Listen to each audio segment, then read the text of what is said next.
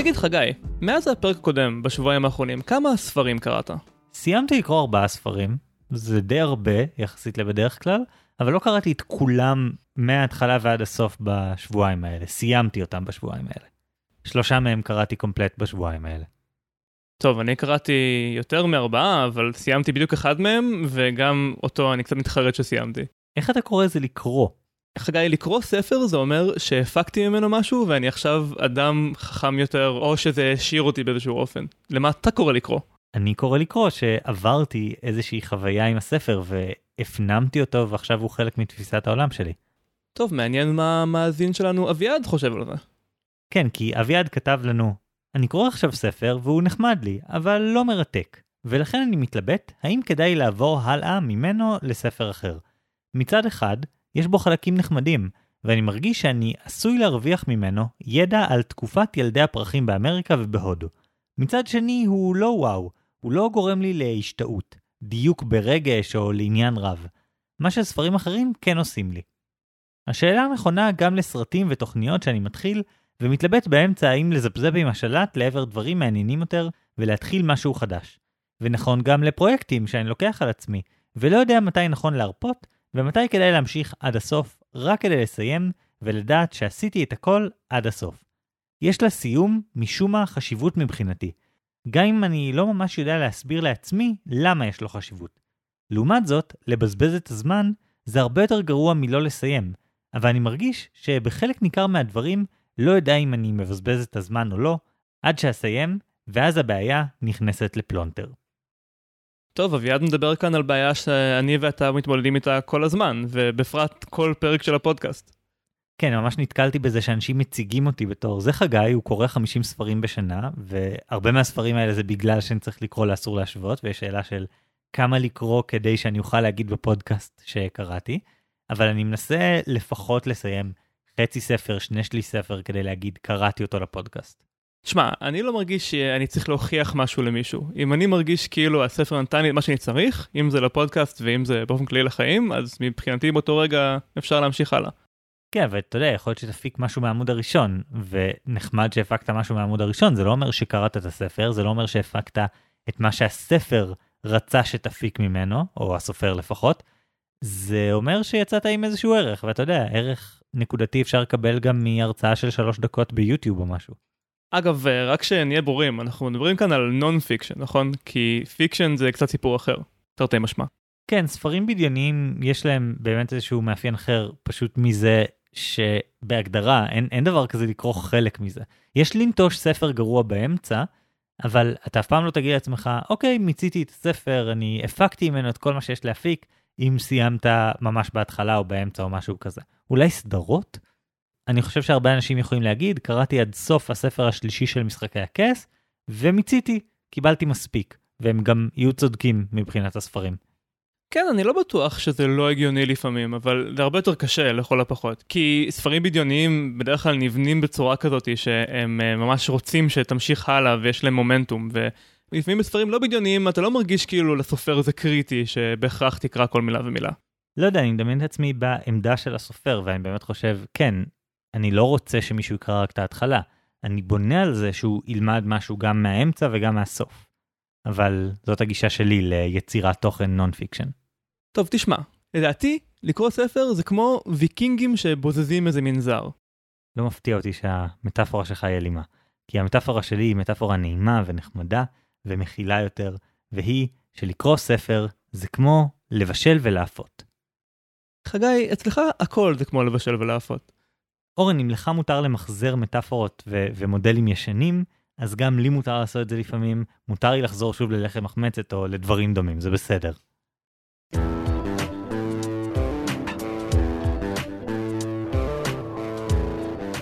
אביעד, אני רוצה רגע שתבוא איתי לזמן ומקום אחרים. הזמן, השמיני ביוני 793 לספירה. המקום, לינדיספארן, שזה אי קטנטן לחופי ממלכת נורפמבריה, שהיום בצפון אנגליה. בעיר הזה אין יישוב, אבל יש שם מנזר וכנסייה מפוארים. זה המקום מושב של הבישוף המקומי, ואחד האתרים הקדושים ביותר לנצרות באנגליה. ומכאן אני אתן לכרוניקה האנגלו-סקסית, שזה אוסף של כתבים מאותה תקופה, לספר את הסיפור, בתרגום שלי. בשנה זו, אדמות נורפמבריה חוו אותות עזים ומנבאי רעות, והאנשים רעדו. היו סופות אדירות, ברקים, ודרקונים יורקי אש נראו עפים בשמיים. אחרי האותות האלה היה רעב גדול, ומאוחר יותר באותה השנה, עובדי האלילים הנבזים המיתו את ההרס שלהם על כנסיית האל בלינדיספרן. או במילים קצת יותר פשוטות, לינדיספרן הייתה המטרה של אחת הפשיטות הראשונות של עידן הוויקינגים בבריטניה. בשביל הוויקינגים המקום הזה היה כמו חלום. האנגלים נהגו לשלוח את הזהב שלהם למשמר במנזר, זה היה כמו בנק, ובעצם אף אחד לא היה חולם לשדוד את הבנק כי זה מקום מושבו של האל. אז המקום כמעט לא היה מוגן, אלא אם מחשיבים את הילת הקדושה שלו, שכמובן לא עניינה את הוויקינגים בכלל, הם היו פגאנים, האמינו באודין ופור. אז בעצם במשך עשרות שנים בתקופה הזאת, הוויקינגים היו יורדים מתי שהם רוצים מהאדמות שלהם בסקנדינביה, מוצאים איזשהו מנזר או אי מבודד או סתם יישוב על חוף הים, נוחתים עם הספינות שלהם על החוף, בעצם היו להם ספינות שאפשר ממש להביא עד לחוף, לא צריך אה, נמל בעצם. היו נכנסים, לוקחים את מה שהם רוצים, לוקחים את כל הזהב, חוטפים אנשים כדי למכור אותם כעבדים, וחוזרים הביתה. וכך הם בעצם הפכו לעשירים ולעם אה, חזק ומטיל אימה על כל אירופה. רגע, בעצם אז מה שאתה אומר זה שאתה תומך בתרבות של שוד וביזה במקום בתרבות נורמלית של דרכי מסחר ושלום ותרבות וציוויליזציה מתקדמת ודברים כאלה. תראה, אני חושב שלוויקינגים הייתה פרספקטיבה מאוד בריאה לחיים. כאילו לא החלק של השוד והביזה והעבדות וכל זה, אבל הוויקינגים הבינו את היתרונות של פשיטה על פני כיבוש. הרי כשהוויקינגים פשטו על לינדיספרן, על אותו מנזר, הם היו יכולים כנראה להישאר, לכבוש את האי, לכבוש קצת אדמה מסביב אפילו, ובעצם שהמלך ששלח אותם יהפוך למין קיסר, כי יהיה לו גם את האדמה שלו בנורבגיה, וגם חתיכת אדמה קטנה באנגליה. אז למה הם לא עשו את זה? כאילו, בסופו של דבר הם עשו דברים דומים, אבל למה הם לא עשו את זה בלינדיספארן? כי להחזיק בשטח זה קשה יותר בסדרי גודל מאשר פשוט לבוא, לקחת ולהיעלם. בשביל לפשוט, כל מה שצריך זה ספינה טובה, ולדעת לזהות מרחוק מקום שהוא מלא בזהב. בשביל לכבוש, צריך להכיר את השטח, לדעת מה נקודות תורפה, להתחיל לבנות ביצורים, לחפור שוחות, למצוא איך להאכיל את האנשים שלך, הרבה יותר קשה. ובעצם בשביל מה? את הזהב כבר לקחת, תוך שעה, אז מה נשאר? לשתול שם חיטה? זה לא משתווה למה שעשית, עדיף שתלך ותפשוט במקום אחר. אבל אורן, בתור בן אדם שיש לו הרבה מאוד ניסיון עם פשיטות ויקינגיות במשחק מחשב בשם קרוסדר קינגס 3, אני יכול להגיד שלמה אתה עושה את הבזיזות האלה, אם לא בשביל לכבוש עוד טריטוריה? אתה, אתה בוזז מקום אחד כדי לכבוש טריטוריה במקום אחר, כדי שיהיו לך משאבים שתוכל להשתמש בהם במקום אחר. המטרה בסופו של דבר היא כן להתרחב ולהשתקע. אולי במקומות האלה זה לא המקומות ששווה להתרחב ולהשתקע בהם, אבל זה לא אומר שזאת דרך החיים שלהם וזהו. בסופו של דבר הם כן השתקעו בחלק מהמקומות, אפילו בהרבה מקומות. תראה, אנחנו לא יודעים הרבה על האנשים שפשטו על אינדיספארן, אבל סביר להניח שהיו להם אדמות אי שם בסקנדינביה, בוא נגיד נורבגיה, ובאמת הזהב שהם לקחו מהמנזר הזה עזר להם להפוך ליותר חזקים, יותר עשירים, אה, לקבל כבוד מהשכנים שלהם באותו מקום בנורבגיה. אבל הם פשוט ידעו להבדיל בין מקום ששווה להשקיע ולהשתקע בו, לבין מקום שצריך לקחת מה שצריך וללכת. ובעצם אביעד, זה מה שאני ממליץ גם לך. תחשוב כמו ויקינג. אל תנסה כל פעם לכבוש את הספר, כדי שתוכל לתקוע דגל ולהגיד, ניצחתי, זה שלי, זה, אני יכול להוסיף את זה לרשימת ההישגים שלי. במקום זה, תזכור מה חשוב, ותעשה פשיטה על הספר. תמצא את האזורים הכי עשירים, תלך ישר אליהם, תבזוז את מה שעוזר לך, ותחזור הביתה כדי ליהנות מהפירות של הפשיטה. כי בתכלס, כמעט אף ספר הוא לא זהב מהעמוד הראשון ועד העמוד האחרון. אם אתה עושה את הדבר הזה של לפשוט על ספר, אתה יכול לקבל חלק גדול מהערך של הספר מהר ובקלות, ואם במקום זה תתעקש להגיע ממש עד העמוד האחרון כל פעם, אז תחשוב על זה כמו אוסף של ויקינגים שנחתו עם הספינה הקלה שלהם איפשהו באנגליה, ועכשיו הם חופרים שוחות וזורים חיטה ועושים שלום עם העמים מסביב, במקום שהם פשוט יחזרו לנורבגיה ויעשו מסיבה ענקית עם כל הזהב שהם בזזו. אבל שוב, הוויקינגים באיזשהו שלב כן התחילו לכבוש. הרי היה ויקינג שהיה מלך אנגליה או הכריז על עצמו כמלך אנגליה, נראה לי ממלכת אה, Danelaw או משהו כזה, נכון? היה קטע כזה. חגי, במשחק שאמרת Crusader Kings, אז Danelaw מסומן כשם של ממלכה, אבל בהיסטוריה זה פשוט האזורים האלה שבהם החוק השולט היה החוק שהגיע מדנמרק. אוקיי, אבל זה לא משנה את מה שאמרתי, בסופו של דבר כן, הייתה שליטה סקנדינבית על שטחים באנגליה, אפילו באירלנד, בצפון אירופה, בכל מיני מקומות כאלה, והם באמת השתקעו, הם לא נשארו בתרבות בוזזת ופושטת וזהו. כלומר, גם הם הבינו בסופו של דבר שיש איזשהו ערך אם אתה משתלט על האדמה בטווח רחוק, שאתה יכול לקבל זהב, אבל בסופו של דבר ייגמרו לך המקומות שאתה יכול לבזוז מהם זהב. בסופו של דבר יש דברים שרק השקעה לטווח ארוך באמת נותנת. אם אתה הורס איזשהו יישוב, אז זה לא שהוא יצמח מחדש ויאפשר, לא יודע, לנכדים שלך עכשיו ללכת ולבזוז אותו באותו אופן. אם אתה רוצה לעשות ביזה מסודרת, אתה יודע, תגבה מיסים. וגם אם אנחנו לא נכנסים למס זה שוד, אז אותו הדבר נכון עם ספרים. נכון שיש איזשהו ערך שאתה יכול ממש לבזוז, אבל אלה הדברים הקלים, אלה הדברים שאולי אם אתה מגיע לספר עם ממש ממש מעט ידע בתחום, אז כל עמוד יהיה מפוצץ בידע ואתה תרגיש שהפקת ממנו מלא ערך. אבל את הערך האמיתי, אתה יכול להפיק רק מזה שאתה קורא את היצירה על מלאה, לא מזה שאתה קורא חלק פה וחלק שם בלי שום הקשר. תראה, זה נכון שבסופו של דבר הוויקינגים החליטו להתפשט. אולי היה להם כל כך הרבה זהב שאז הם הולידו יותר ילדים, ואז הם רצו להעניק שטחים לצאצאים שלהם וכולי, וכאילו הנסיבות השתנו. אבל אני חושב שזה משהו שמגיעים אליו יותר מאוחר, אחרי שכאילו באמת קוטפים את הפירות הכי נמוכים על העץ, נקרא לזה, שזה לפשוט על מנזרים וכולי, ואז כשאין ברירה, כשנגמרים המנזרים, אז צריך להמשיך לדברים שהם קצת פחות מועילים, אבל הם עדיין כאילו שווים את ההשקעה. ולגבי ספרים, אז דיברת על זה שאפשר להפיק יותר אם קוראים את כל הספר. אני בטוח שיש מלא ספרים שבאמת שווה להתעמק בכל עמוד, אבל יש הרבה יותר ספרים הייתי אומר, הרוב המוחץ של הספרים, שזה פשוט לא נכון לגביהם. סתם, אני אתן לך כמה דוגמאות של סוגי ספרים שהם ארוכים מדי שנתקלתי בהם. אז סוג אחד, יש ספרים שהם יותר כמו הרצאה במסווה של ספר. זה איזשהו בן אדם שהיה לו תובנה ספציפית, מאוד מעניין לצורך העניין, משהו שהוא רצה לחלוק עם העולם, שאפשר להסביר תוך שעה-שעתיים. ואז הוא הלך וניסה לפרסם ספר, והעורך והמוציאים לאור הושיבו אותו והסבירו לו, תשמע, אי אפשר למכור ספר של 30 עמודים. אז בבקשה, תחזור הביתה ותמצא איך לנפח את זה לאורך מלא. תביא מלא דוגמאות, תביא טיעונים נגדיים לא נכונים, ואז תסביר למה, למה הם לא נכונים. מה שצריך, כל עוד, בסוף יהיו לפחות 300 עמודים. עכשיו, קראתי מלא ספרים כאלה. לאחרונה קראתי ספר בשם גריט, של uh, כותבת בשם אנג'לה דוקוורף. זה ספר על זה שלא מספיק להיות uh, חכם ומוכשר, צריך גם נחישות והתמדה. נקודה נכונה, חשובה, לדעתי במקור זה היה הרצאת TED של חצי שעה או משהו, ובאמת ספר של 300 עמודים ששווה לקרוא מתוכו אולי חמישה עמודים. כאילו אני מבין את זה, אחד הספרים הממש אה, שנואים עליי בעולם זה ספר שנקרא Start with Why של מישהו בשם סיימון סינק, שעשה הרצאה שהיא אפילו לא הרצאת TED, היא הרצאת TEDx, כלומר הרצאה בשלוחה קטנטנה של TED באיזשהו יישוב. עכשיו ההרצאה טובה, ההרצאה של 15 דקות, 20 דקות, לא זוכר, היא הרצאה שימושית, מועילה לחשיבה לתקשורת שיווקית וכל מיני דברים כאלה, ופשוט למרוח אותה לספר זה נורא. פשוט תראו את ההרצאה, תדלגו על הספר, אל תתקרבו אליו כי הוא מורח. אני מבין את זה, אתה צודק שיש כאלה, אבל זה לא כל הספרים. אני חושב שיש הרבה יותר ספרים שהם לא כאלה.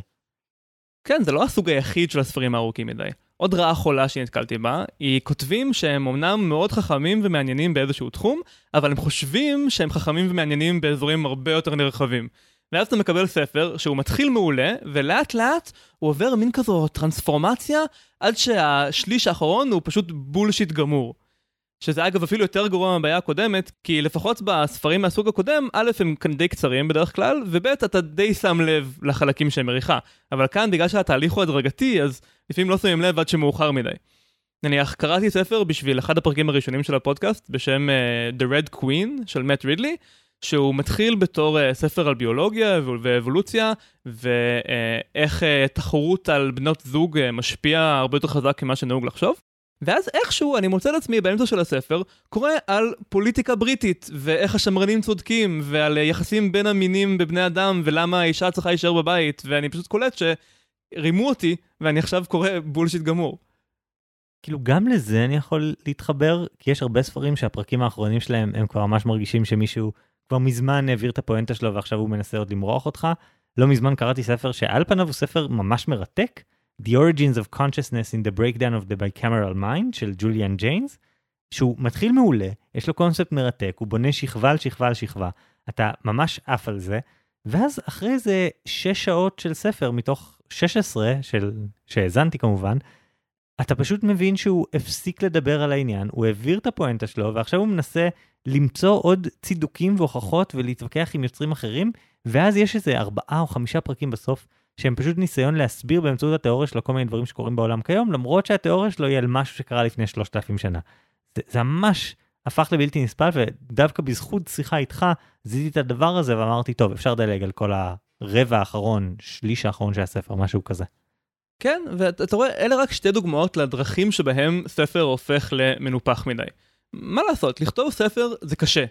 גם אנשים שאני מאוד רוצה ללמוד מהם ויש להם משהו לתת לי, בדרך כלל לא יודעים לעשות את זה בצורה מושלמת, את העניין הזה של כתיבת ספר. אז כמעט בכל ספר אפשר לזהות את הזהב, ואז אחרי זה אפשר למצוא חלקים פחות ופחות שווים, עד שמגיעים לאזורים שלא נותנים ערך בכלל. ואם לא רוצים להסתבך עם לעבור על תוכן עניינים, אז בתור הנחה מפשטת אפשר כמעט תמיד להניח שהזהב הוא בהתחלה של הספר. וזה עוד בלי לדבר על זה, שאפילו אם כל העמודים בספר היו בדיוק באותה איכות, עדיין לא היה משתלם לקרוא את כל הספר. בכלכלה קוראים לזה תועלת שולית פוחתת, שזה פשוט אומר ש-100 ממשהו אף פעם לא שווים פי 100 מאשר 1 ממשהו. אני אתן דוגמה. נניח חולצות. נניח יש לכם 0 חולצות, ואז אתם קונים את החולצה הראשונה שלכם. אז זה נותן לכם ערך אדיר. אתם לא ערומים, אפשר לצאת מהבית. ואז ממשיכים, קונים חולצה שנייה, היא עדיין ממש שווה. אפשר גם לעשות כביסה וגם לצאת מהבית. שדרוג מטורף לחיים. אבל עדיין פחות שווה מהחולצה הראשונה. עכשיו החולצה המאה שתקנו היא כבר כמעט לא עוזרת לכם בכלל, והיא בעיקר עלתה לכם כסף לקנות, והיא עכשיו תופסת לכם מקום בארון. זה אומר שאיפשהו בין החולצה השנייה לחולצה המאה, יש את החולצה שכבר לא מצגה את המחיר שלה, מבחינת גם המחיר קנייה וגם זה שזה תופס לך מקום בארון. וזה המקום שבו האדם הנבון מפסיק לקנות חולצות. אבל אורן, הדפים בספר הם לא זהים אחד לשני. זה, זה אפילו הפוך הייתי אומר. כל עמוד נוסף שאתה קורא, הוא שווה יותר מהעמוד שלפניו, כי כל עמוד בונה על משהו שלמדת בעמודים הקודמים, ואז ככל שאתה מתקדם, העמוד השולי מוסיף לך כמויות הרבה יותר גדולות של ידע. יש ספרים שממש בנויים ככה. מהעמודים הראשונים זה רק אה, הנחת לבנים עיקריות, ורק כשאתה מגיע לעמודים הרבה יותר מתקדמים, כבר נוצר איזשהו מבנה שאתה יכול להסיק ממנו איזשהו משהו. וכמובן שזה עוד יותר ברור ב fiction, למרות שאמרנו שאנחנו לא מדברים על fiction, על ספרים בדיוניים, זה הכי ברור, כי הסוף שם הוא דרמטי והוא מרגש, לא סתם ככה, אם תקרא ישר את הסוף זה לא יעזור לך. הוא דרמטי ומרגש בגלל שכבר בנית חיבור רגשי עם דמויות, הכרת את הסיפור, הכרת את הרקע, הכרת את העולם, ואז כשיש לך הרבה מאוד חיבור רגשי, נוצר איזשהו פי-אוף רגשי שבחיים לא היית מקבל מסתם לקרוא את העובדות בוויקיפדיה או משהו כזה. טוב, כן, יש משהו במה שאתה אומר, אבל האמת היא, עכשיו שאני חושב על זה, יש בעצם גם אפקט הפוך, שהעמוד האחרון הוא פחות שווה מהעמוד הראשון, כי יותר קשה לקרוא אותו, יותר קשה לעכל אותו. העמוד הראשון, הוא לא מניח עליך שום דבר, הכותב כאילו רוצה להכניס אותך לעולם של הספר, אבל העמודים המאוחרים יותר, הם בעצם יוצאים מנקודת הנחה שכבר הפנמת ועיכלת כל מיני דברים שהוסברו מהעמודים הקודמים. יש איזה עומס קוגניטיבי, מה שנקרא, כדי שבכלל תוכל לגשת לעמודים האחרונים. זה קצת כמו להוסיף עוד משקל על טיל. אתה מכיר את העניין הזה? נניח שאתה רוצה לשלוח טיל לחלל. אז נניח אתה רוצה שיהיה קילוגרם של חומר שבסוף יגיע לחלל. אז בשביל הקילוגרם צריך להוסיף איזושהי כמות של דלק, אבל עכשיו צריך להרים גם את הדלק הזה לחלל, נכון? אז צריך להוסיף עוד דלק בשביל הדלק, ואז עוד דלק בשביל הדלק של הדלק. אז בעצם בסוף העמוד האחרון של הספר הוא מין כזה הנקודת קצה הזאת, שאתה צריך להבין דברים בשביל להבין דברים בשביל להבין דברים בשביל להבין את העמוד הזה. וגם כאן אני חושב שבאיזשהו שלב זה כבר לא כך ברור שזה שווה את המאמץ. אבל ברור שזה שווה את המאמץ, כי בסופו של דבר זה מה שאמרתי בהתחלה.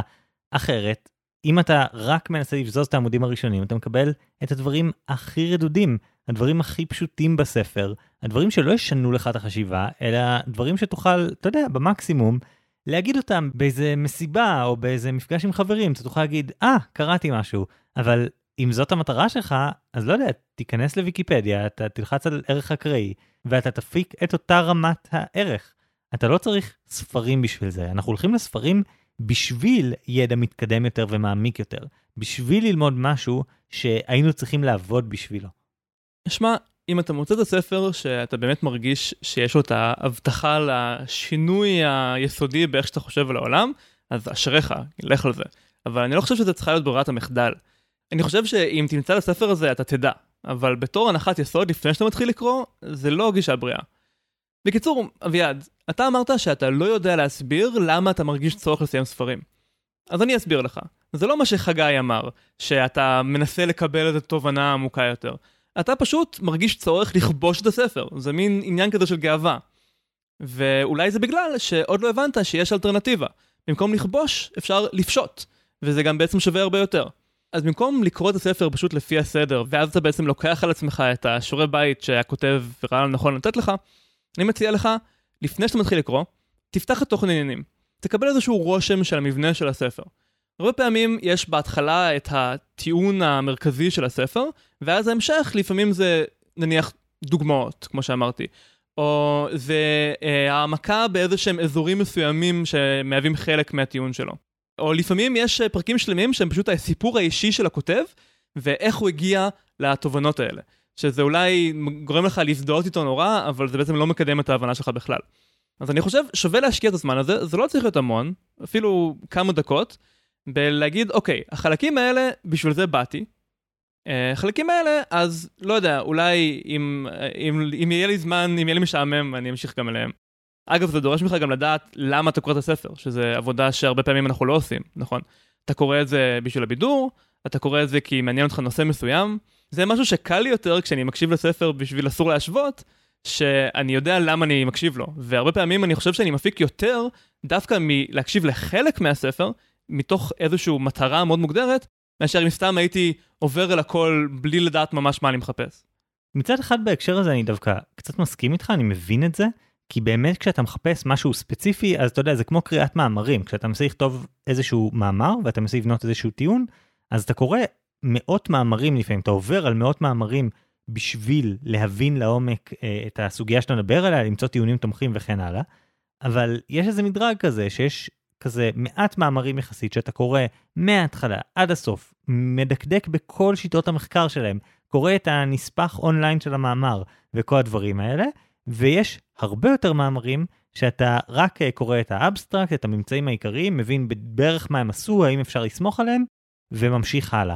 וכשאתה מנהל חיפוש כל כך מסודר, אז סבבה, אז אני מבין קצת יותר את השיטה שלך. אבל יש הבדל, כי אני לא חושב שרוב הזמן מה שאנחנו עושים זה לקרוא ספרים כדי להוציא מהם משהו ממש ממש ספציפי. אנחנו מנסים ללמוד בצורה יותר רחבה, יותר הוליסטית הייתי אומר. ולמקום כזה העצה שלך הרבה פחות תתאים. בוא נחזור רגע לוויקינגים.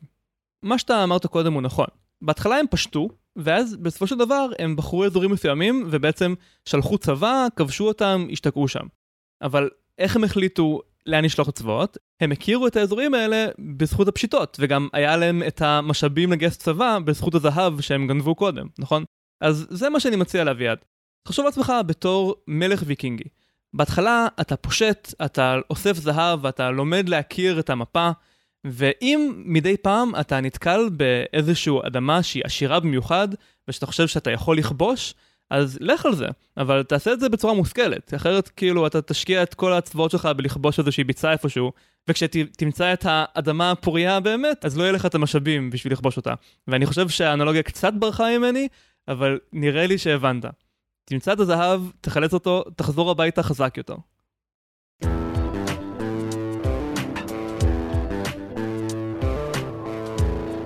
אביעד, הבעיה עם העצה שנתן לך אורן, היא שהעצה הזו היא רדוקטיבית. היא לוקחת כל ספר, מפרקת אותו לחלקים קטנים קטנים קטנים, לפיסות מידע בודדות, ואורן אומר לך, תמצא איזה פיסות מידע אתה רוצה לבזוז, כי אתה לא רוצה לבזוז הכל. כי חבל הזמן שלך. אבל אני חושב שזאת הסתכלות שגויה. זאת הסתכלות שנעשית יותר ויותר נפוצה. אני כל הזמן מקבל בפייסבוק פרסומות שאומרות לי, בוא, אתה לא צריך לקרוא יותר, תשלם מנוי לאיזשהו אתר, והאתר הזה יתמצת לך את הספרים הגדולים לפיסות מידע קטנות של 10 דקות, רבע שעה. אבל ההסתכלות הזאת מפספסת את זה שספר טוב הוא לא אוסף של עובדות, הוא לא אוסף של תובנות קטנות, הוא שלם שגדול מסך חלקיו. בשביל להבין את זה, אני רוצה לקחת אותך לתחום האוכל שחזרתי אליו הרבה מאוד פעמים בפודקאסט הזה, ובצדק. בישול ואפייה הם תהליכים מופלאים, שבהם אנחנו לוקחים אוסף של דברים עם טעמים פשוטים, או אפילו דברים חסרי טעם, ואנחנו מכניסים להם ומוסיפים להם טעם בתהליך מורכב וארוך יותר. הגישה של אורן זה כמו להסתכל על עוגת שוקולד ולומר, תראו, רוב הרכיבים התזונתיים הם בקמח ובסוכר, אז אני פשוט יכול לאכול קמח עם סוכר. או רוב הטעם הוא באבקת הקקאו, אז אני פשוט אוכל אבקת קקאו.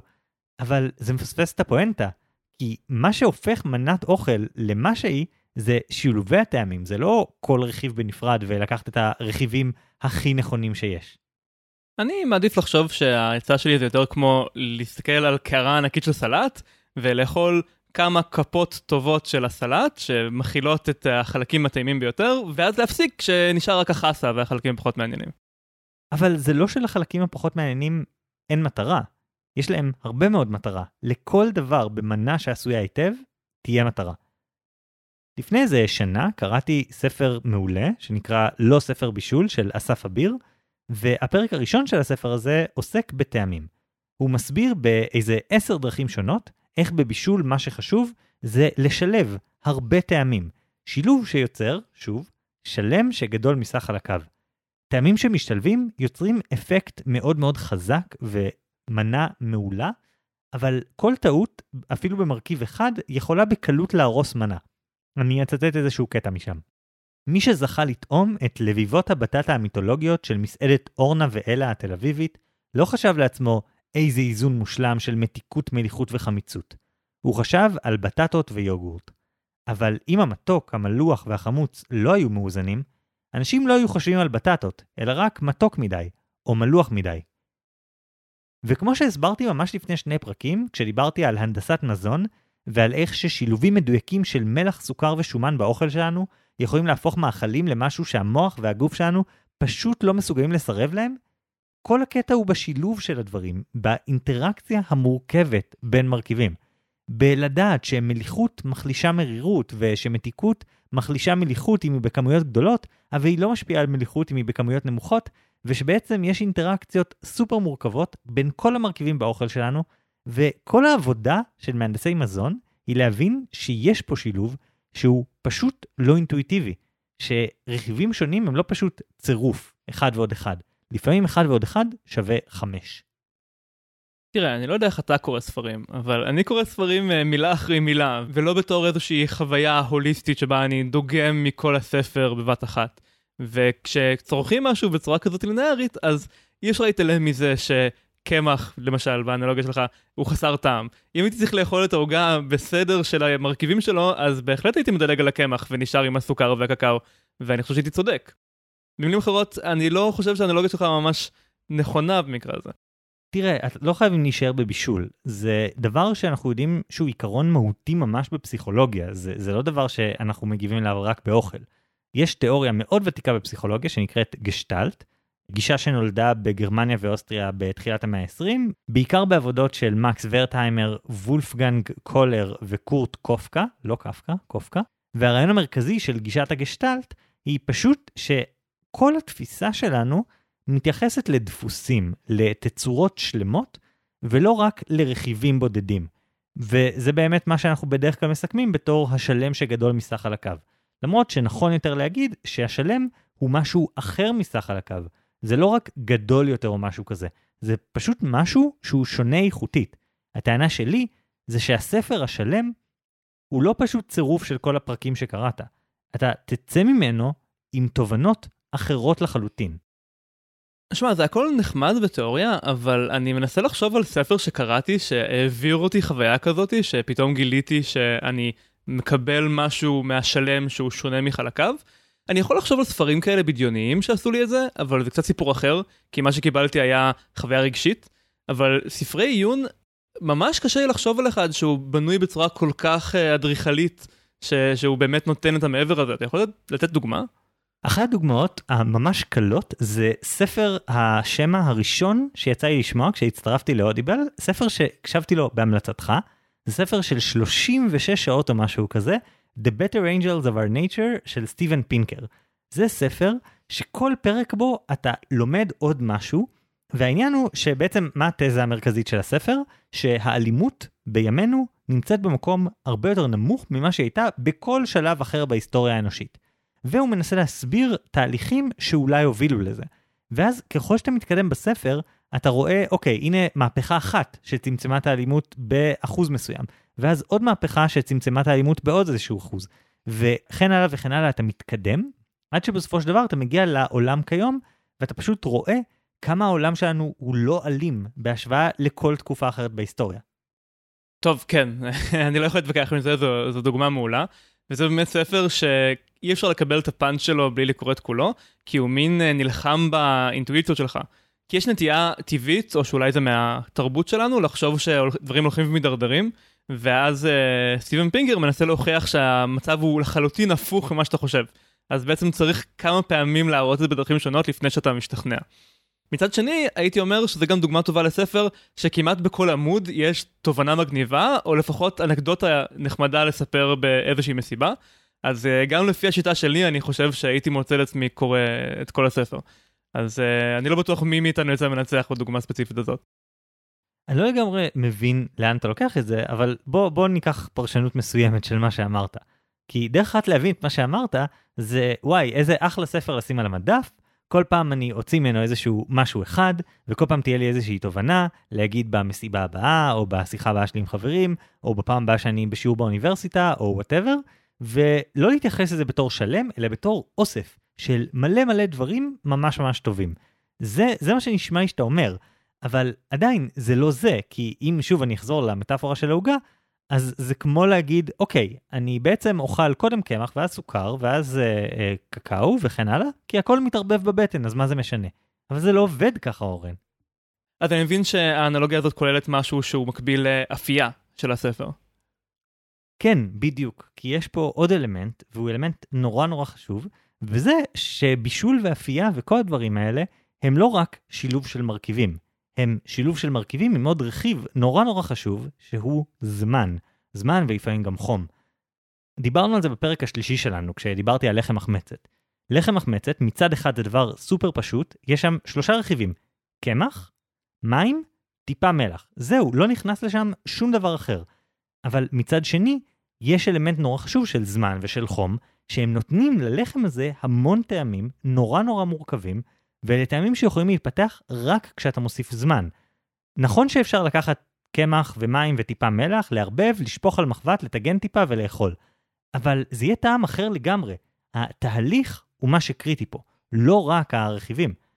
וכשאני לוקח את זה לקריאה של ספר, אז שוב, אנחנו לא סתם מקבלים עובדות לראש, אנחנו עוברים תהליך. התהליך הזה מורכב גם מזה שיש מידע בספר, אבל גם מזה שיש סדר שבו המידע הזה מוצג. למשל, כשאתה דיברת על The Better Angels of Our Nature, אז מה קורה שם? יש לך איזושהי תפיסה שהעולם נעשה נורא נורא גרוע, כי אתה רואה יותר מדי טלוויזיה, ואז הספר הזה תוקף את הדבר הזה, והוא תוקף אותו עוד פעם מזווית אחרת, ועוד פעם מזווית שלישית. והוא תוקף אותו שוב ושוב ושוב, ובסופו של דבר אתה עובר תהליך שרק בסופו ההגנות שלך, התפיסה המיושנת הזאת שהעולם נעשה יותר ויותר אלים, התפיסה הזאת קורסת. והיא לא הייתה קורסת סתם אם היית מקבל את כל העובדות באקראי לאורך שנתיים. זה קורס בגלל שהן היו ארוזות ביחד, ובעצם יצרו איזשהו אימפקט ביחד, לפי הסדר הנכון, ללכת מהקל לקשה, או מההיסטוריה להווה, או מה שזה לא יהיה. הבנייה, הסדר, הם כל כך קריטיים בדבר הזה.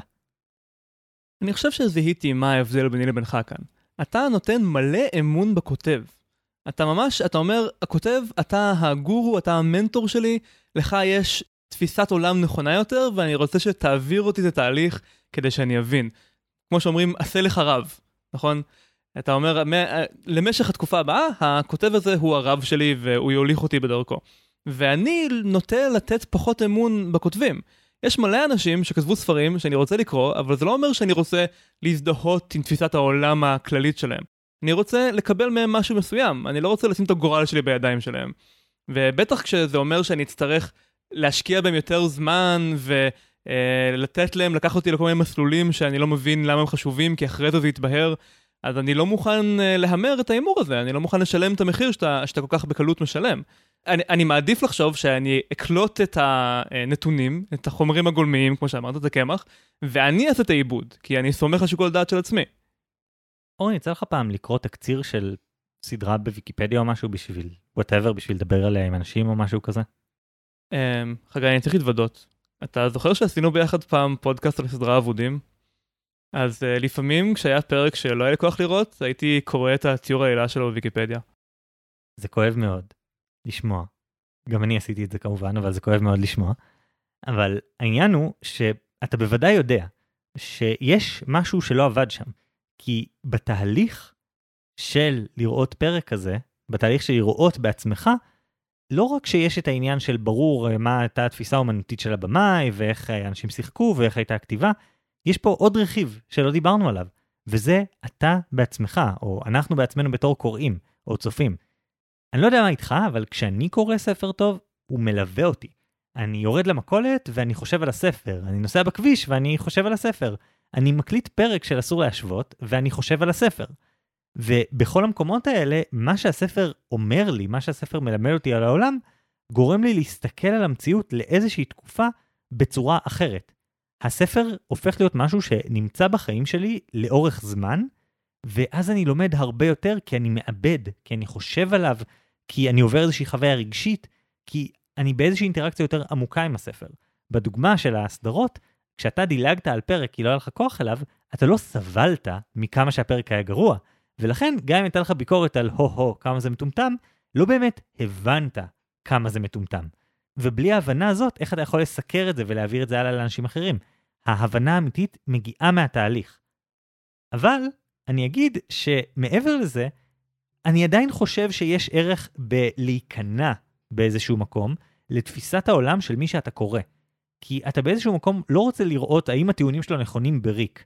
אתה רוצה גם להבין איך הוא הגיע לטיעונים האלה, איך נראה העולם שלו, איך הוא רואה את כל הסיפור הזה, ודווקא מתוך המקום הזה, אתה תוכל להבין בצורה יותר משמעותית את, ה, את, את מה שקורה לו.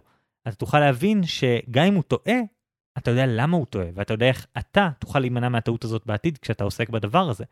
דווקא בדבר הזה של לראות את העולם מנקודת מבט של מישהו אחר, זה עוד ערך עצום של לקרוא ספר מההתחלה ועד הסוף, זה, זה לשקוע. תת לזה להקיף אותך לעבור את התהליך הזה. חגי, זה קצת נשמע כאילו אתה מציע לנו לקרוא ספרים גרועים כדי אה, לספוג את הגריעות ולהבין איך בן אדם יכול להיות כל כך גרוע.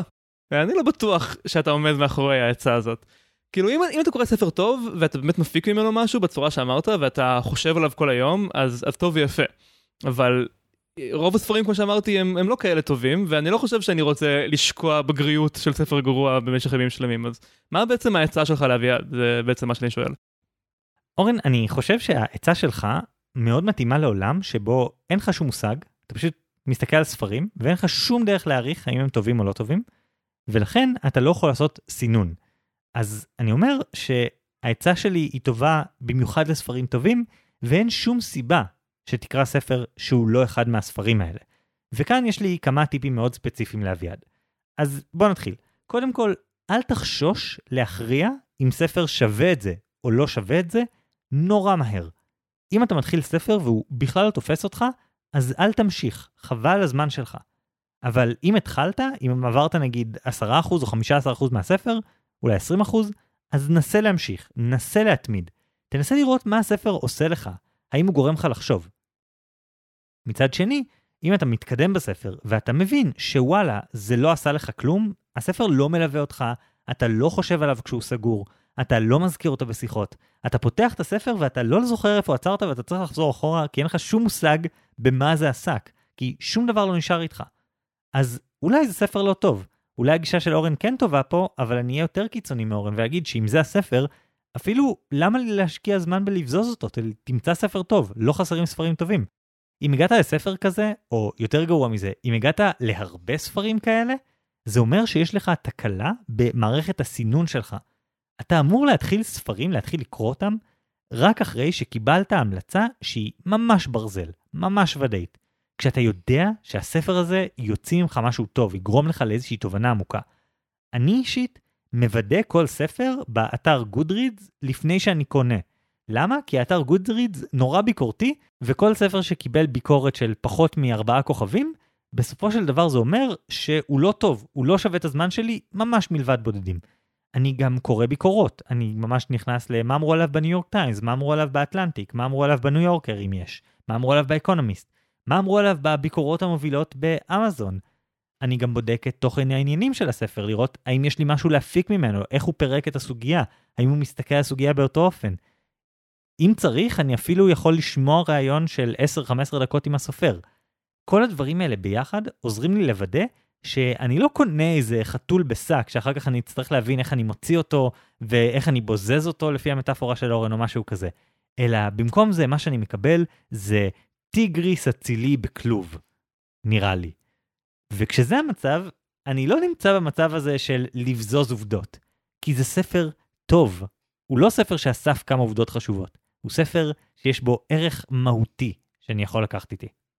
תשמע, אני קודם אמרתי שרוב הספרים הם לא טובים, ואני חושב שהמסקנה מזה היא לא שים לב שאתה מוצא רק את המיעוט הקטנטן של ספרים טובים. אני חושב שהמסקנה היא איך אנחנו יכולים להפיק תועלת גם מספרים שהם לא טובים במובן המאוד מחמיר שתיארת. כי כמו שאמרתי, המון אנשים עם המון דברים לתת, לא יודעים לעטוף את זה בספר שהוא ממש טוב. אז אני חושב שהגישה שלי היא עדיפה, כי אני לא צריך למצוא איזה גורו שאני ממש רוצה לאמץ את תפיסת העולם שלו. אני יכול לקבל תובנות ממש טובות ומועילות, גם מספרים מטופשים שאין להם ממש פואנטה, והם uh, מדברים על שישה נושאים כשרק אחד מהם חשוב. תשמע, איכשהו אתה מצליח בסוף לקרוא 50 ספרים בשנה, שעוברים את הסינון שלך, אבל אני חושב שאתה משאיר מלא ספרים שיכולים לעזור לך על הרצפה. אורן, מאז שנכנסתי לאודיבל, השתנתה התפיסה שלי לגבי ספרים. כי מה קורה באודיבל? באודיבל אתה קונה ספרי שמע ויש לך מנוי ואתה כל חודש מקבל קרדיט או שניים.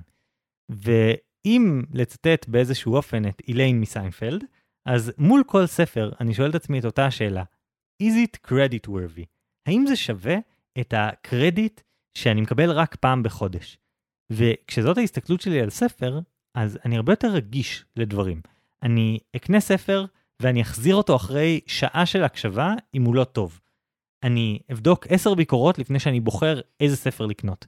כי אני לא רוצה לבזבז את הזמן שלי על ספרים לא טובים. אז האם מדי פעם יוצא שאני עושה איזושהי סקירת ספרות מהירה, קורא פרק ראשון של עשרה ספרים שונים פשוט כדי לקבל איזשהו מידע ספציפי, כמו שאמרתי בדוגמאות אקדמיות? כן, זה קורה לפעמים, אבל זה מיעוט הזמן בקריאת הספרים שלי. רוב הזמן אני קורא ספרים לא כדי לשאוב מהם את העובדות, אלא כדי שהם ישנו את תפיסת העולם שלי. אני חושב שזו המטרה שבשבילה אנחנו קוראים ספרים, וזאת ההמלצה שלי לאביעד.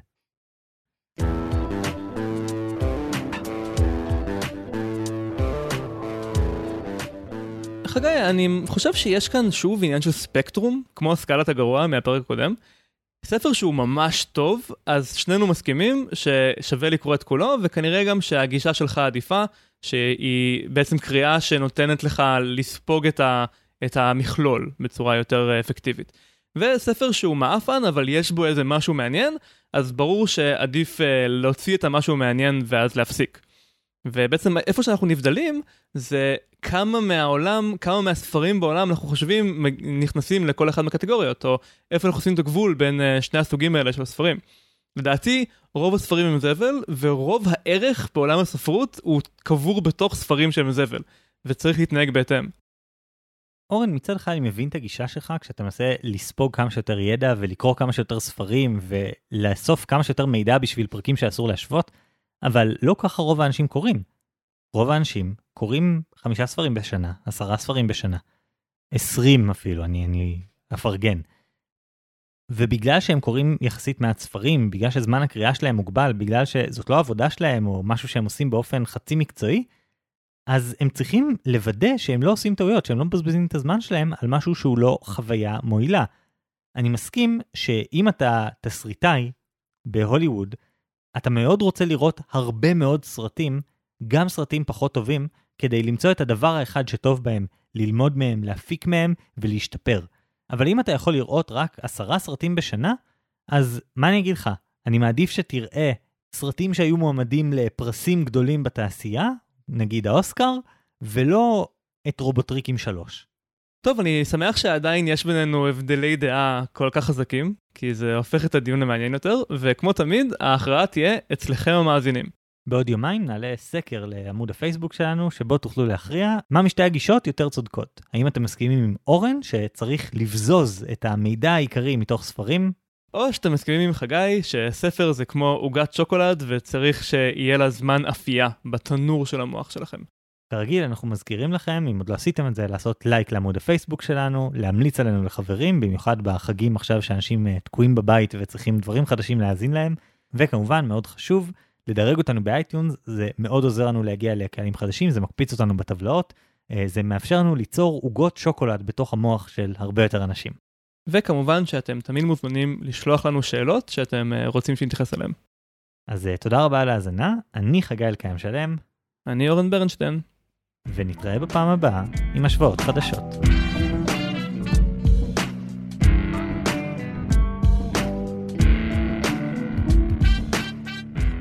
אז uh, הפעם, בפעם השנייה, המנגנון של הסקרים בפייסבוק היה שבור, אז עשינו סקר של reactions, והתוצאות היו ש-57% מהמצביעים עשו reaction כועס, שזה אומר שהם הסכימו עם חגי, שאם uh, חבר שלנו עושה טעות, אנחנו צריכים לטמפרר אותו כמו שוקולד, ולאט לאט לעצב את התודעה שלו. ו-43% עשו reaction של וואו, שזה אומר שהם הסכימו איתי, שצריך uh, להחליט אם זה uh, יותר מדי גרוע בשביל לשתוק, ואז להגיד פעם אחת מה שחושבים, ואז זהו, או אם זה לא כזה גרוע, אז עדיף להיות חבר תומך. וחשוב לומר שזהו, בגדול אין יותר פיצ'ר uh, של סקרים בפייסבוק. זה בוטל פחות או יותר לחלוטין ממה שאני רואה, אז uh, מעכשיו זה רק בריאקשנים. אז כל ההצבעות מעכשיו יהיו ככה, מה שכן אני יכול להגיד זה שזה מביא יותר הצבעות, אז בואו נמשיך עם זה. כן, נסתרות דרכי האלגוריתם. אולי בגלל זה הם שברו בכוונה את הפיצ'ר, מי יודע. כן, וקיבלנו, אני חושב, יותר תגובות מלכל פרק אחר אי פעם, והרבה מכם כתבו תגובות ארוכות ומושקעות, ואני ממש מתבאס שאנחנו לא יכולים להקריא הכל, כי זה באמת נוצר דיון אמיתי בתגובות, אנשים נתנו את הנקודת מבט שלהם, הם הרחיבו נקודות של שנינו, אז קודם כל המון תודה, זה ממש כיף לראות את זה. אה, אני רוצה להתמקד בכמה תגובות עיקריות, ואני רוצה להתחיל מתגובה שדווקא קיבלנו בפרטי ולא בפייסבוק. אה, איתי דגן אמר לנו, חגי ואורן, בתור חבר שלכם, היה טיפה מלחיץ לשמוע את הפרק האחרון שלכם. אתה חושב שהוא נלחץ בגלל שהוא מפחד שאתה מטמפרר אותו, או בגלל שהוא חושב שאני רוצה להגיד לו משהו אבל שותק כדי להיות חבר תומך? אני מסוגל להבין איך שני הדברים ייצרו לחץ, אז איתי, לדעתי אין שום דבר מרכזי שאנחנו רוצים לומר לך שלא אמרנו לך. אז כמה שאני יודע. איתי, אני מבטיח שאם יהיה משהו, אני אגיד לך ואני לא אסתיר כלום. ונחזור רגע לפייסבוק, הילה שכטר כתבה, מסכימה ב-100% עם אורן. המודל של חגי קצת פטרוני לטעמי. לא הייתי רוצה חבר שינסה לטפל בי כי הוא בטוח שהוא צודק. בטח ובטח כשזה נעשה קצת בחשאי ובלי הסכמה. אני כחברה תמיד שואפת להגיד את האמת, ויודעת שזו אך ורק דעתי האישית, ושאני לא בטוח צודקת. ורוב מקרים בחיים הם לא קיצוניים, ועל כן לא ענייננו להחליט בשביל חברנו. כן, זה סנטימנט שראינו מהמון אנשים, נראה לי שזאת התגובה הכי נפוצה. אנשים שאמרו שבגדול אה, הגזמתי וניסיתי להתערב יותר מדי, אז אנשים ממש ממש אה, הסכימו איתך, אולי לא בסקר, אבל בטח בתגובות. אה, אני גם מסוגל להבין למה. יש איזה משהו שנראה אפילו טיפה מניפולטיבי במה שאני הצעתי, למרות שאני חושב שתודה לאל, יש uh, מאזינים אחרים שנתנו פרשנויות קצת יותר ידידותיות לעצה שלי. למשל, הייתה את התגובה של נוגה היל, שכתבה, אני לא חושבת שהמודל שחגי הציע הוא מניפולטיבי או כולל רמיזות חוזרות ונשנות לכך שהילך טועה. כמו שאני הבנתי את המודל, הרעיון הוא לייתר את השאלה המוסרית, כי לא מניחים מי צודק, לילך או אמילי, ושאמילי תעודד את לילך לבחון את התוצאות שלה בפועל, כדי ששתיהן יגלו יחד אם התוכנית שלה טובה או לא. הייתה גם תגובה דומה של נועה פלג טלר, שכתבה, מה שאהבתי במודל של חגי, הוא שמאפשר לאמילי אולי גם לגלות שהיא טועה. זה קל להיות שיפוטיים ולחשוב מה אנחנו יודעים בשביל מישהו אחר, אבל המודל של חגי נותן נקודות יציאה לשני הצדדים. אם לילך לא תצליח בקטן, אז די ברור שצריך לעשות חושבים ולראות מה חסר, למה זה לא מסתדר והאם זה משהו שניתן לפתור, או שאולי התחום פשוט לא טוב בשבילה. ואולי לילך דווקא תצליח בפיילוט הזה, ואמילי היא זו שלא העריכה נכון. בכל מקרה, בעיניי זה מודל שמאפשר גדילה לכיוון כלשהו, לאו דווקא לכיוון המקורי, אבל התקדמות ותובנות חדשות. לזרוק את הדעה שלך בלי שום הצעה מה כן, זה מעולם לא הועיל לאף אחד, וזה לא נשמע לי כמו משהו שיקדם חברות למקומות חיוביים. כן, כמה אנשים uh, כתבו שאני הצגתי בצורה לא הוגנת את uh, מה שאתה אמרת, חגי? כי אני טענתי שאתה מנסה לעשות מניפולציה, בעוד שאתה דיברת על זה שרק אה, ללכת ולבחון ביחד אם זה נכון או לא.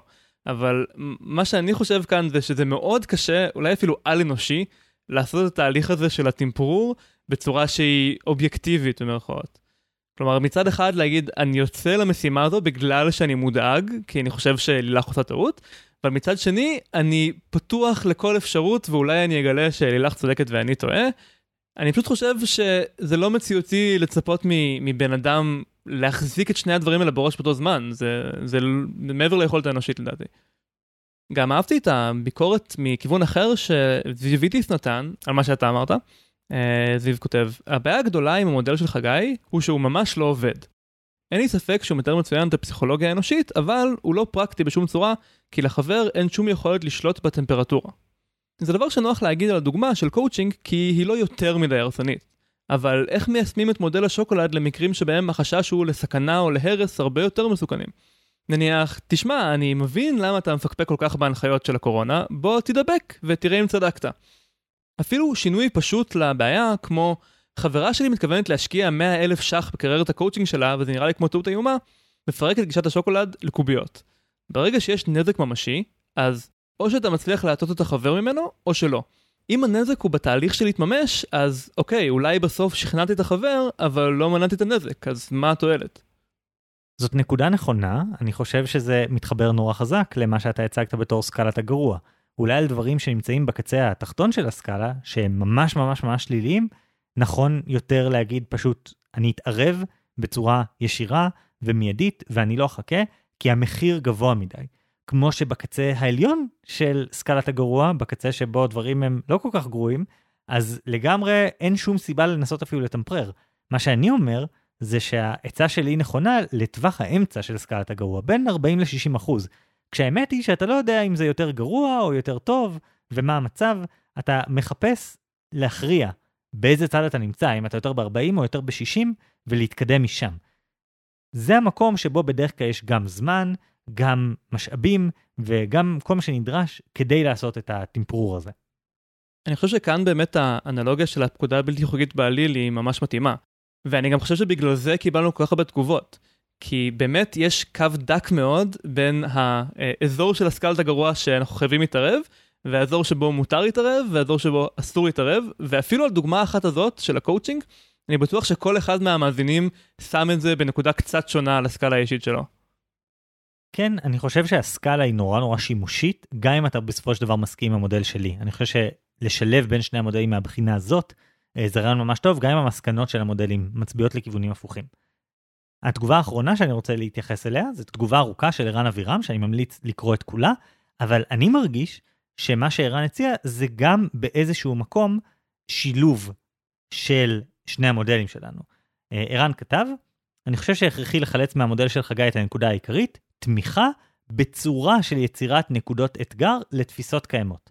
הרבה אנשים בתגובות כאן ואורן בפרק מתמקדים בזווית השד התככני, אבל זה אלמנט בכלל לא הכרחי במודל, וההתמקדות בו רק יוצרת בלבול. אני פועל במודל של השוקולד כבר כמה שנים, ואני עושה את זה באופן גלוי, בשיתוף פעולה. אין שום סיבה להסתיר מידע מהחבר, להפך, כדאי להיות לגמרי ברורים איתו. בעצם מה שערן מציע פה, זה איזשהו שילוב. תהיה נורא upfront, תציג, תקשיב, אני קראתי את הדברים האלה על מה שאתה מנסה לעשות, אני חושב את הדבר הזה, אולי נבחן את זה ביחד, מה אתה אומר? אני אעזור לך, אני אבוא איתך, אני אהיה איתך בדבר הזה. הוא אומר שהדבר הזה דורש שלושה דברים. קודם כל, צניעות והנכונות לקבל שאתה טועה. שנית, אמון שיאפשר פתיחות שנדרשת כאן במידה נורא נורא גבוהה. ושלישית, ואני מצטט, מלא פאקינג זמן ועבודה. ובמצבים מסוימים, זה בעצם משלב את שתי הגישות. זו גישה שהיא 100% תומכת, אבל דורשת ממך לתמוך באופן הרבה יותר אקטיבי, מאשר סתם להנהן מצד אחד, או לומר את מה שיש לך, and forever hold your peace. האמת שזה ממש מזכיר לי גישות בפסיכולוגיה, בתרפיה. הרי הסטריאוטיפ של הפסיכולוג זה שהוא כותב במחברת שלו ואתה לא יודע מה הוא באמת חושב, ואז הוא שואל שאלות כאלה מסתוריות כמו, ספר לי על אמא שלך, ואתה לא יודע לאן הוא חותר, אבל בסוף הוא מביא אותך לתובנה. אבל בימינו יש אה, פסיכולוגים שהם נוקטים בגישה הרבה יותר פתוחה ואפילו שיתופית. למרות שאתה זה עם הבעיה הנפשית, אז כאילו אי אפשר לסמוך על שיקול הדעת שלך, עדיין ה, אה, המטפל מנסה להעביר אותך את החוויה בצורה שבו אתה חלק אקטיבי מהתהליך. בשיטות כמו CBT למיניו. האמת שגם בגישה שציטטתי בפרק הקודם, זה בעצם מה שהם מנסים לעשות. כלומר, הכל נורא מוחצן כלפי הבן אדם. כל הזמן מחצינים לו את זה שבוא, שים לב שאנחנו ביחד מסבים את תשומת לבך למה הלמידה הרגשית שעומד בבסיס של הבעיה שלך. ויש איזה משהו שנורא עובד בזה. אני, בתור בן אדם שעובד בפוליטיקה, אני דווקא מצליח יותר להזדהות עם גישות שכן מסתירות חלק מהמידע, לפעמים זה לטובתנו, אבל אני מבין את הרתיעה מזה. ולכן מאוד אהבתי לקרוא את התגובה הזאת של ערן. טוב, בכל מקרה, אה, זה כל התגובות שיש לנו זמן בשבילם אה, הפעם, אבל היו מלא תגובות ממש מעניינות, ואם אתם רוצים להצטרף לדיון ועוד לא עשיתם את זה, אנחנו ממש נשמח אם אה, תצטרפו לעמוד שלנו בפייסבוק, אסור להשוות, ותקראו שם ותוכלו להוסיף את דעתכם. כן, ועכשיו נעבור לחלק האחרון שלנו, של אורן, מה קראת היום? או השבוע. Uh, אני מרגיש כאילו אני ממש uh, צריך להיזהר מה אני אומר על מה שקראתי כדי להתאים למה שטענתי לפני רגע בפרק עצמו. Uh, אז אני הפעם קראתי uh, ספר על הוויקינגים, uh, נקרא פשוט The Vikings של ניל אוליבר, ובעצם זה ספר שהוא עיבוד לספר של סדרה דוקומנטרית של ה-BBC, של שלושה פרקים, וממש מרגישים שזה עיבוד לספר של סדרה, כי יש מלא קטעים שבו הוא מתאר איזשהו משהו ויזואלי, והוא כזה... אם תלכו למוזיאון במקום הזה והזה, תוכלו לראות ספינה, והיא מאוד יפה ומרשימה, ואם הייתם רואים אותה, הייתם מבינים איזה מגניב זה להיות ויקינג. ואתה כזה, אוקיי, טוב, אתה רוצה שאני אראה את הסדרה.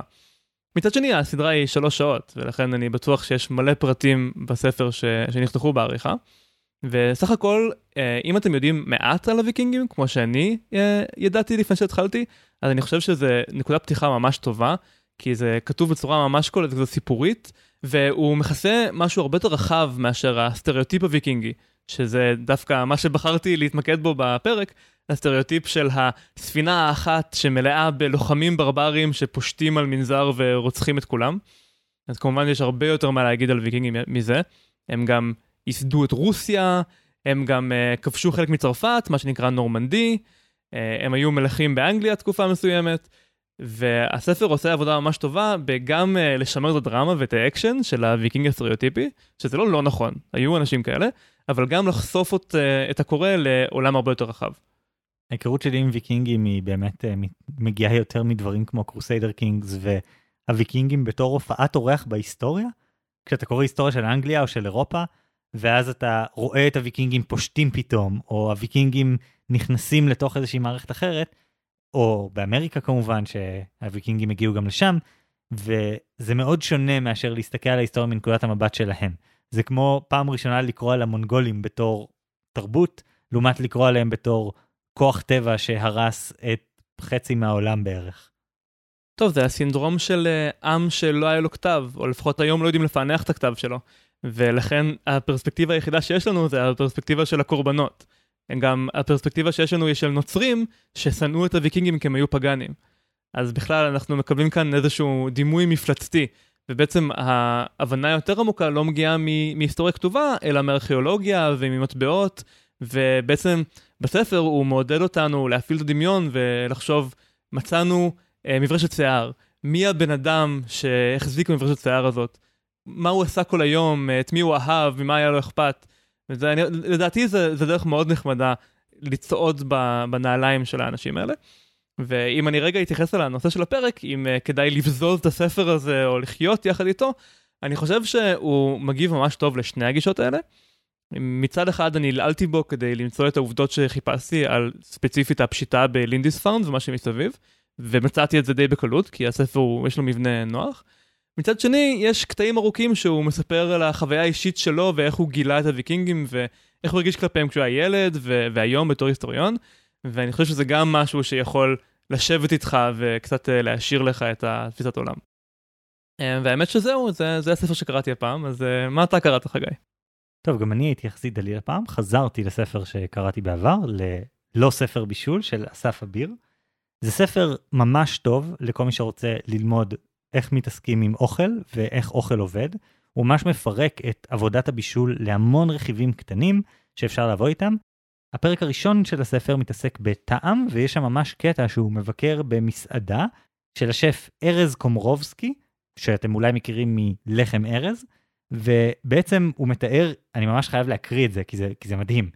יש טעם טוב, ויש טעם שתופס את הלשון ומנער אותה. טעם טרי, חריף וחזק באופן מפתיע, שמתקדם מהלשון לריאות כמו הדף של פיצוץ, בהילוך איטי. הטעם הזה כל כך מטלטל, עד שברגע הראשון קשה לך לתת לו שם. לפחות לי היה קשה. בעיקר כי תוך כדי טלטלת החושים, השף ארז קומרובסקי קטע את חוץ למחשבה שלי ואמר, רק אל תשכח לירוק בסוף. אתה אוכל נייר טואלט. בעצם אסף אביר הלך למסעדה או לבית של ארז קומרובסקי, וארז קומרובסקי הסביר לו שהקטע בטעם זה שזה לא משנה איזה טעמים אתה בוחר ומה אתה משלב, כל עוד אתה נוגע בכל הסימנים. אתה נוגע בחמוץ, בחריף, במתוק, במלוח, בשומני וכל הדברים האלה. ואז הוא הראה לו שעם שימוש נכון בטעמים, הוא יכול להפוך אפילו חתיכת נייר טואלט לחוויית טעמים מרגשת ומרתקת. ואז כל הפרק הראשון הוא על האיזונים בין הטעמים האלה, על זה שאתה כל הזמן צריך להבין מה כל הטעמים שנמצאים במנה. יש שם נגיד טבלה ממש שימושית של כמה טעם של משהו הוא טעם כבד ודומיננטי. כאשר העניין הוא שאם אתה רוצה לבשל עם איזשהו רכיב שהוא יהיה הרכיב העיקרי במנה, אתה יכול לשים מסביבו רק טעמים פחות כבדים ממנו. כלומר, אם תוסיף משהו עם טעם נורא דומיננטי למנה אחרת, נגיד אם אתה רוצה לבשל מנה של דג, ואתה רוצה לתת לה טעמים, אם תוסיף למנה הזאת חציל, אז אתה תאבד את הטעם של הדג, פשוט כי הטעם של החציל הרבה יותר דומיננטי. ואתה חייב לשלוט בכל מה שאתה מכניס, להסתכל על זה בתור חוויה הוליסטית, שכל טעם יש לו אינטראקציה עם כל שאר הטעמים. ההסתכלות הזאת, מצד אחד יש בה איזה משהו נורא משחרר, כי פתאום כשאתה מפרק מרכיבים למשהו יותר פשוט של איזה טעם זה נותן, כמה זה כבד, אתה לומד שאתה יכול להחליף מלא רכיבים במלא רכיבים אחרים. אתה יכול לשים במנה חלב קוקוס, אבל אתה יכול לשים גם שמנת. אתה יכול גם לשים שילוב של טחינה עם חמת בוטנים, ואתה יכול לעשות כל מיני דברים כאלה, שבסופו של דבר, מה שהם יעשו, זה פשוט לסמן וי על כל הטעמים שאתה צריך, ולאזן אחד את השני בצורות מופלאות. וכל זה רק הפרק הראשון של הספר. נשמע מרתק, זה קצת מזכיר את הספר שאני המלצתי עליו בעבר, אה, Salt Fat Acid Heat של סמין נוסרת, שהוא גם uh, מנסה להסביר את, ה, את התיאוריה שמאחורי הטעמים, ואיך uh, צריך להגיע לאיזון המושלם, והוא נוגע בהרבה מאוד נושאים. אבל כמובן שספר בעברית זה תמיד כיף יותר. חוץ מזה אני אגיד שכן חיפשתי ספרים על פסיכולוגיית גשטלט ובסופו של דבר די צמצמתי את הנוכחות של הדבר הזה בפרק כי כל הספרים הם על טיפול ולפרק הקודם קראתי מספיק ספר אחד על טיפול שהיה מאוד לא כיפי, אה, כי זה ז'אנר לא מאוד כיפי, אז אה, אני קצת מתבאס. אם יש לכם המלצה על ספר על גשטלט, על פסיכולוגיית גשטלט, שהוא לא עוסק בטיפול, אני ממש אשמח להמלצות בתגובות או משהו כזה. ואם הקשבתם עד לכאן, אז uh, תגידו לנו בתגובות, האם שמתם לב שהפרק הזה ממש דומה לפרק שלנו על טיולים בחו"ל, ובעצם היו לנו כמעט את אותם מודלים, רק עם דוגמאות שונות? וגם קצת לפרק על איך להחליט מתי להתחתן, כי בסופו של דבר, כשראינו את השאלה של אביעד על מתי לעזוב ספר, אז פשוט אמרנו, אה, ah, נו, או 37 אחוז, או לחם מחמצת, זה שתי האופציות. כן, לפעמים אני מפחד שיגמר לנו מה להגיד, אבל uh, בינתיים זה עוד לא קרה. כן, אז uh, עד כאן להפעם, uh, תודה רבה על ההאזנה. אני אורן ברנשטיין. אני חגי אלקיים שלם. ביי.